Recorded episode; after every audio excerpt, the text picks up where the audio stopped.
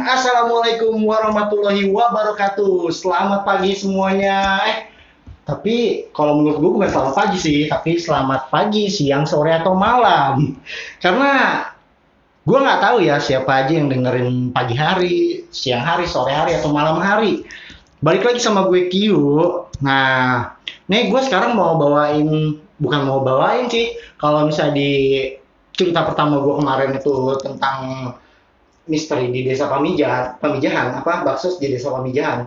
Ini kali ini gue udah, udah udah ada sama temen gue yang hari ini menjadi tamu, tapi nggak nggak spesial sih gue bilang. Enggak nggak spesial, beneran nggak spesial. Kalau cewek cantik baru lu gue bilang spesial. Kenalin diri lu Jar. Oke, selamat pagi.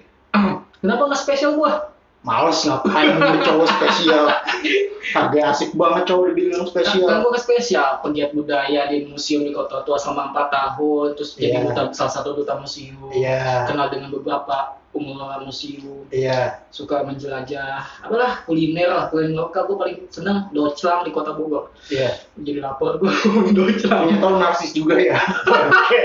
Lah gua kan itu libat data diri gua. Oh iya benar-benar CV.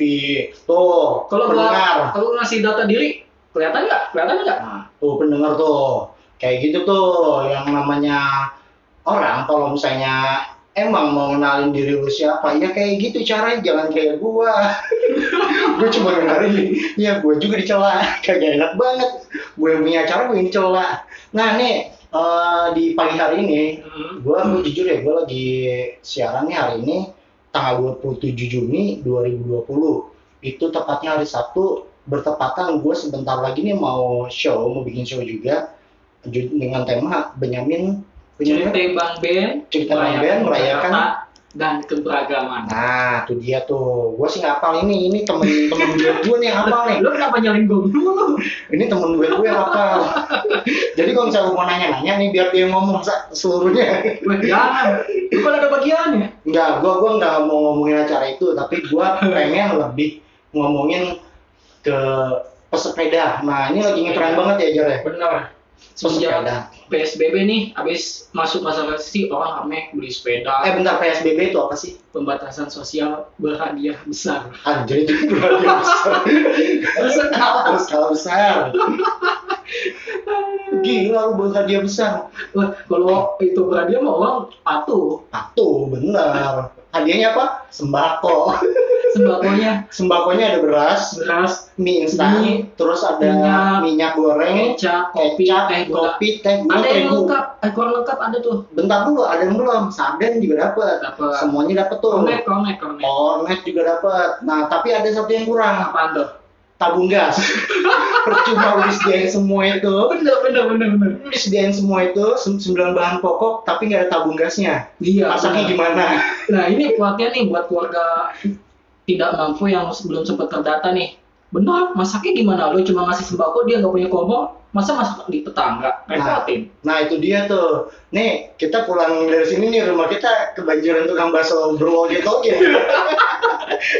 Ikan satu, ikan satu. jam satu jam satu gua ntar gua samperin kan bang kenapa nih bang rame-rame ntar tukang bakso bilang gini enggak bang kita mau nganterin tabung gas Eh beneran datang bener. Jadi cuma, orang- cuma mau nganterin tabung gas. Jadi ini ya program ini yang bedah rumah jika aku menjadi. Musiknya sedih. Iya, musiknya ini tapi kita melenceng dia kita mau ngomongin sepeda. Yang mau sepeda ya. nah iya. Nah iya eh, PSBB itu bisa jadi singkatannya pesepeda bareng-bareng pengguna sepeda Pengguna sepeda bareng-bareng. Iya, jujur aja ya, semenjak PSBB kemarin gua gue gue juga sempat sih sempat beberapa kali ngikutin, bukan ngikutin. Jadi ibaratnya waktu puasa kemarin gua ngabuburit naik sepeda. Dan itu sepeda punya tetangga gua gue minjem. Itu asik sih. Karena gua dari dulu apa ya dari dulu tuh gua emang pesepeda jarang. Hmm. Jadi rumah gua kan di kota nih di Kota, daerah Glodok. Glodok, Nah gua tiap hari ke kampus itu ke Cengkareng naik sepeda. Dekat tuh. lumayan jauh anjir. Lalu kan bangga dong dari gua do ke Cengkareng naik sepeda. Iya, kalau misalnya gue lagi blank, ntar nyasar-nyasar puncak. Kayak yang kemarin tuh bocah Oh, iya. tuh 33 km nggak ngayu sepeda, Nggak kerasa nggak ya? kerasa di luar kota. Bisa gitu ya? Iya. Itu itu sih enak emang gue sampai keluar kota yang Pulangnya. yang bingung pulangnya gue anjir gue pulang lewat mana Aduh, itu kasihan maknya nyariin lo. iya tapi jujur ya pesepeda sekarang ini kebanyakan yang apa ya kalau boleh dibilang maaf maaf kata ya Hmm. eh, kayak nggak punya akhlak nggak punya etika jadi Iya benar. Eh, jadi seenaknya aja gitu mereka merasa ini jalan milik gua jadi rame-rame buat ngebendung jalan Jangan ada pengguna lain mau ini di klakson marah. Galakan dia. bego lu main klakson aja. Lebih mending ini lebih mending apa?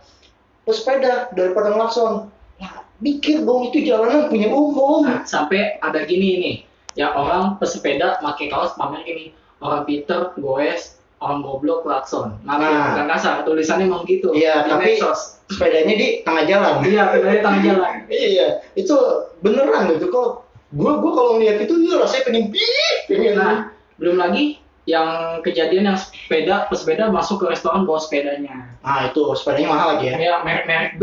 merek B Itu di belakangnya M ya, Om Ton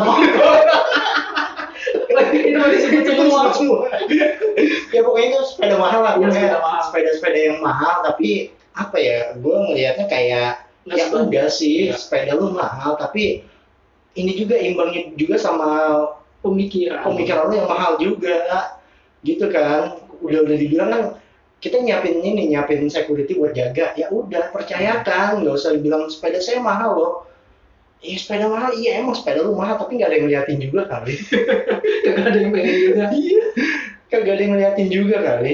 Nah terus, oh iya yang kemarin eh, sempat juga tuh dia ada di media sosial ada Ah. yang naik sepeda entah di daerah mana gitu, daerah sekitar Jawa Tengah ya. Iya. Jadi mereka pesepeda berempat, yang satu nih iseng, Ah, dia ngedorong temennya, temennya jatuh dia maju, nah temennya jatuh ini kelilis motor. Ini bahaya banget beneran.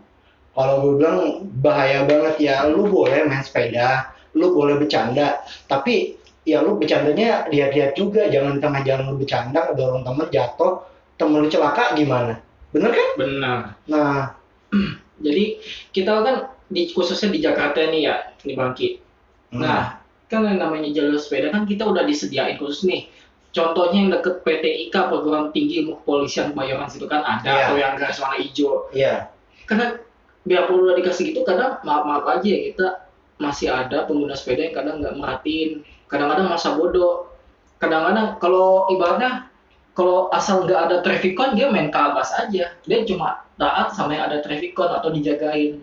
Nah kalau ini gue boleh komentar ya. Boleh. Jadi gue juga sebagai apa ya? Gue gua tadi emang gue tadi emang kritik pesepeda Hmm. dan sekarang gue mau ngebelain pesepeda juga. Jadi gue berada di tengah nih, Hmm. nggak nggak mihak sini mihak sana. Eh, kadang gue lihat emang sih ada jalur sepeda, terus Hmm. pesepeda mereka di tengah jalan. Itu kenapa? Karena jalur sepeda dipakai untuk parkir. Kayak contohnya di Jalan Gajah Mada, jalan yang buruk tuh Oh iya. jalur sepeda disediain tapi jalur sepeda itu habis sama parkiran. Bahkan petugas parkirnya itu yang nyuruh buat buat parkir di situ. Mobil-mobil parkir ini gue nggak habis pikir ini jalur sepeda loh. Tapi pakai buat parkiran. Ya makanya kalau misalnya gue bilang kenapa sepeda akhirnya pada, pada akhirnya ke tengah jalan ya itu karena jalur mereka diambil sama parkiran. Jadi selain eh, faktor pesepeda musiman yang kurang berakhlak kah, Hmm. jadi emang ada kurang tegasnya regulasi, aturan, dan kebijakan dan segala macam ini untuk pesepeda yang benar-benar serius sama sepeda. Nah, itu dia. Jadi eh, kalau saran gue sih balik lagi ke dinas perhubungan ya. Hmm. Dinas perhubungan harusnya ngeberesin lagi nih yang parkirannya nih, yang petugas parkirnya juga kalau bisa ya udah jalur sepeda jalur sepeda sterilisasi bukan buat bukan buat parkiran. Benar. Nah, Karena, karena kan di jalur sepeda ini dibatasi cuma pakai traffic cone ya. Iya. Kalau pakai kayak semacam barikade yang di jalur busway itu bisa sebenarnya cuma Bisa. mungkin orang mikirnya makan tempat hmm. gitu lah. dan sebenarnya gue pertanyakan lagi adalah sekarang ini gue lihat belakangan ini ya ini ya Mhm. eh, ada di pinggir jalan raya itu ada kotak-kotak kayak buat parkiran mobil. Iya. Ya, ya itu yang gue pertanyakan, kenapa bikin parkiran di situ gitu ya? Sebenarnya regulasi yang dulu udah bagus, Eh, gedung setiap gedung perkantoran harus ada tempat parkir, Iya. betul kan? Jadi eh, lu mau gedung apa pun harus ada tempat parkir. Kalau misalnya lu parkir sembarangan, mobil lu dikempesin atau di derek, ya kan? Ini kenapa disediain lagi tempat parkir di pinggir jalan? Yang notabene itu selain ngambil haknya pesepeda, Sepeda. yang kedua juga eh, jalanan, jalan raya itu jadi tambah sempit. Tambah sempit benar. Mm-mm. Ini eh, balik lagi ke dari biasanya kan sudah ada sosialisasi untuk kantor. Kadang-kadang nih kantor nih kadang gak memperhatikan tempat parkir untuk karyawannya sendiri. Eh, Iya. Ada lah beberapa, nggak semua. Kita applause juga buat pengelola kantor yang dia aware untuk parkir sepeda karyawannya, bagi sepeda motor, mobil gitu. Nah, kembali lagi nih soal sosialisasi emang karena sosialisasinya itu kan kadang-kadang lebih gampang di media sosial, kadang-kadang nggak disuratin, Mm. nggak nggak semuanya ya. Yang saya bilang tadi, ini yang kurang tegas kalau menurut saya, gitu. Kurang tegasnya di mana? Eh, kurang mengoptimalkan segala media untuk eh, melancarkan sosialisasi. Kita kan karena kita mikir ada sos- media sosial murah ya, Iya. nggak perlu siaran di televisi. Mungkin karena Iya, YouTube iklan, ada ya, YouTube ada, itu gratis. macam Nah, gratis. Dan kalau misalnya banyak penonton dapat duit. Nah, kalau di YouTube kan jadi dilema juga ya. Iya. Pengen buka video lama banget, anjir iklan nih. lama banget. Iklannya mending satu Enggak, tapi tapi iklan ada yang emang ada yang cuma beberapa detik, ada yang berakhlak, ada yang nggak berakhlak. Gue pernah lagi tuh dapet iklan satu jam aja. Iklan apa ini satu jam? Karena iklan layanan pemerintah nggak gini-gini banget. nah, lagi Enggak, gue tentang- jujur ya, gue jujur lagi tuh, gue YouTube lagi lagi muter YouTube gitu. Iya. gue lagi muter YouTube sambil gue dengerin kan itu gue sambil main game pas gue ini seret lah kok gini ya pas gue liat anjing iklannya hampir satu jam iklan apa ini Balik lagi tentang kopi enak tuh kayaknya Bisa, lu udah ngopi dulu lu. bagi Lu udah ngopi di rumah dulu. oh iya iya iya iya. Nah, kita balik lagi ke soal buat sepeda dan segala regulasinya. Emang sih ya antara teori dan praktek itu sering sering nggak Iya. sinkron. Mhm. Teorinya gampang manis, wah kita akan mau ini gini. Nah, ketika prakteknya kadang-kadang yang dikasih solusi suka bikin repot. Dikasih ini, minta itu, udah minta itu, minta yang lain lagi. iya. Ini kan lain lagi. ya pokoknya ya kayak gitulah semuanya balik lagi ke masing-masing individu. Minta lu kudu berakhlak dulu lah. ya balik lagi lah ke masing-masing individu. Kalau kalau ini kan mau lu berakhlak mau enggak tapi kalau misalnya individu lu baik ya pasti baik beneran kalau gue bilang sih balik lagi ke individunya masing-masing. Ketika lu punya sepeda dan meskipun lu sepeda murah atau sepeda minjem jujur gue minjem. Ataupun lu punya sepeda mahal semahal apa pun sepeda lu tapi kalau misalnya lu balik lagi ke individunya lu sadar diri lu jalannya mengikuti regulasi yang ada mengikuti aturan nggak nggak berjejer empat atau nutupin nutupin jalan ya lu masih oke lah masih ya seorang juga respect sama lu dia kan meskipun benar. meskipun bukan meskipun ya meskipun mungkin lu mikirnya wah anjir nih motor mobil gini nih. Terus eh, tapi kalau misalnya lu juga jalannya santai pada jalurnya itu nggak bakalan ada yang ini ada yang ini lu bilangnya sepeda musiman atau ini.